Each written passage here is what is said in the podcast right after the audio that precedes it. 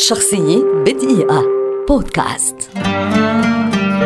ريم حنا كاتبة سيناريو سورية شهيرة من أصول فلسطينية تعد من أبرز وجوه كتابة السيناريو منذ التسعينات حتى اليوم. ليس على مستوى سوريا فحسب بل على مستوى العالم العربي.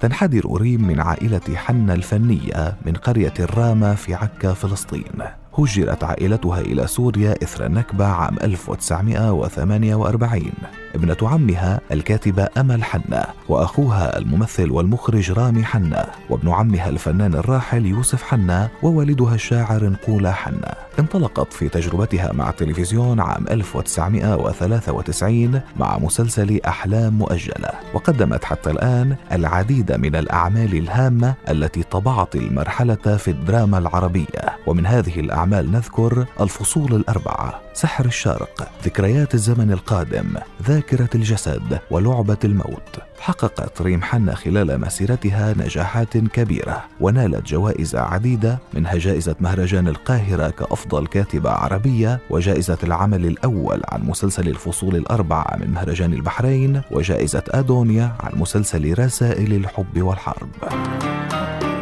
شخصية بدقيقة. بودكاست.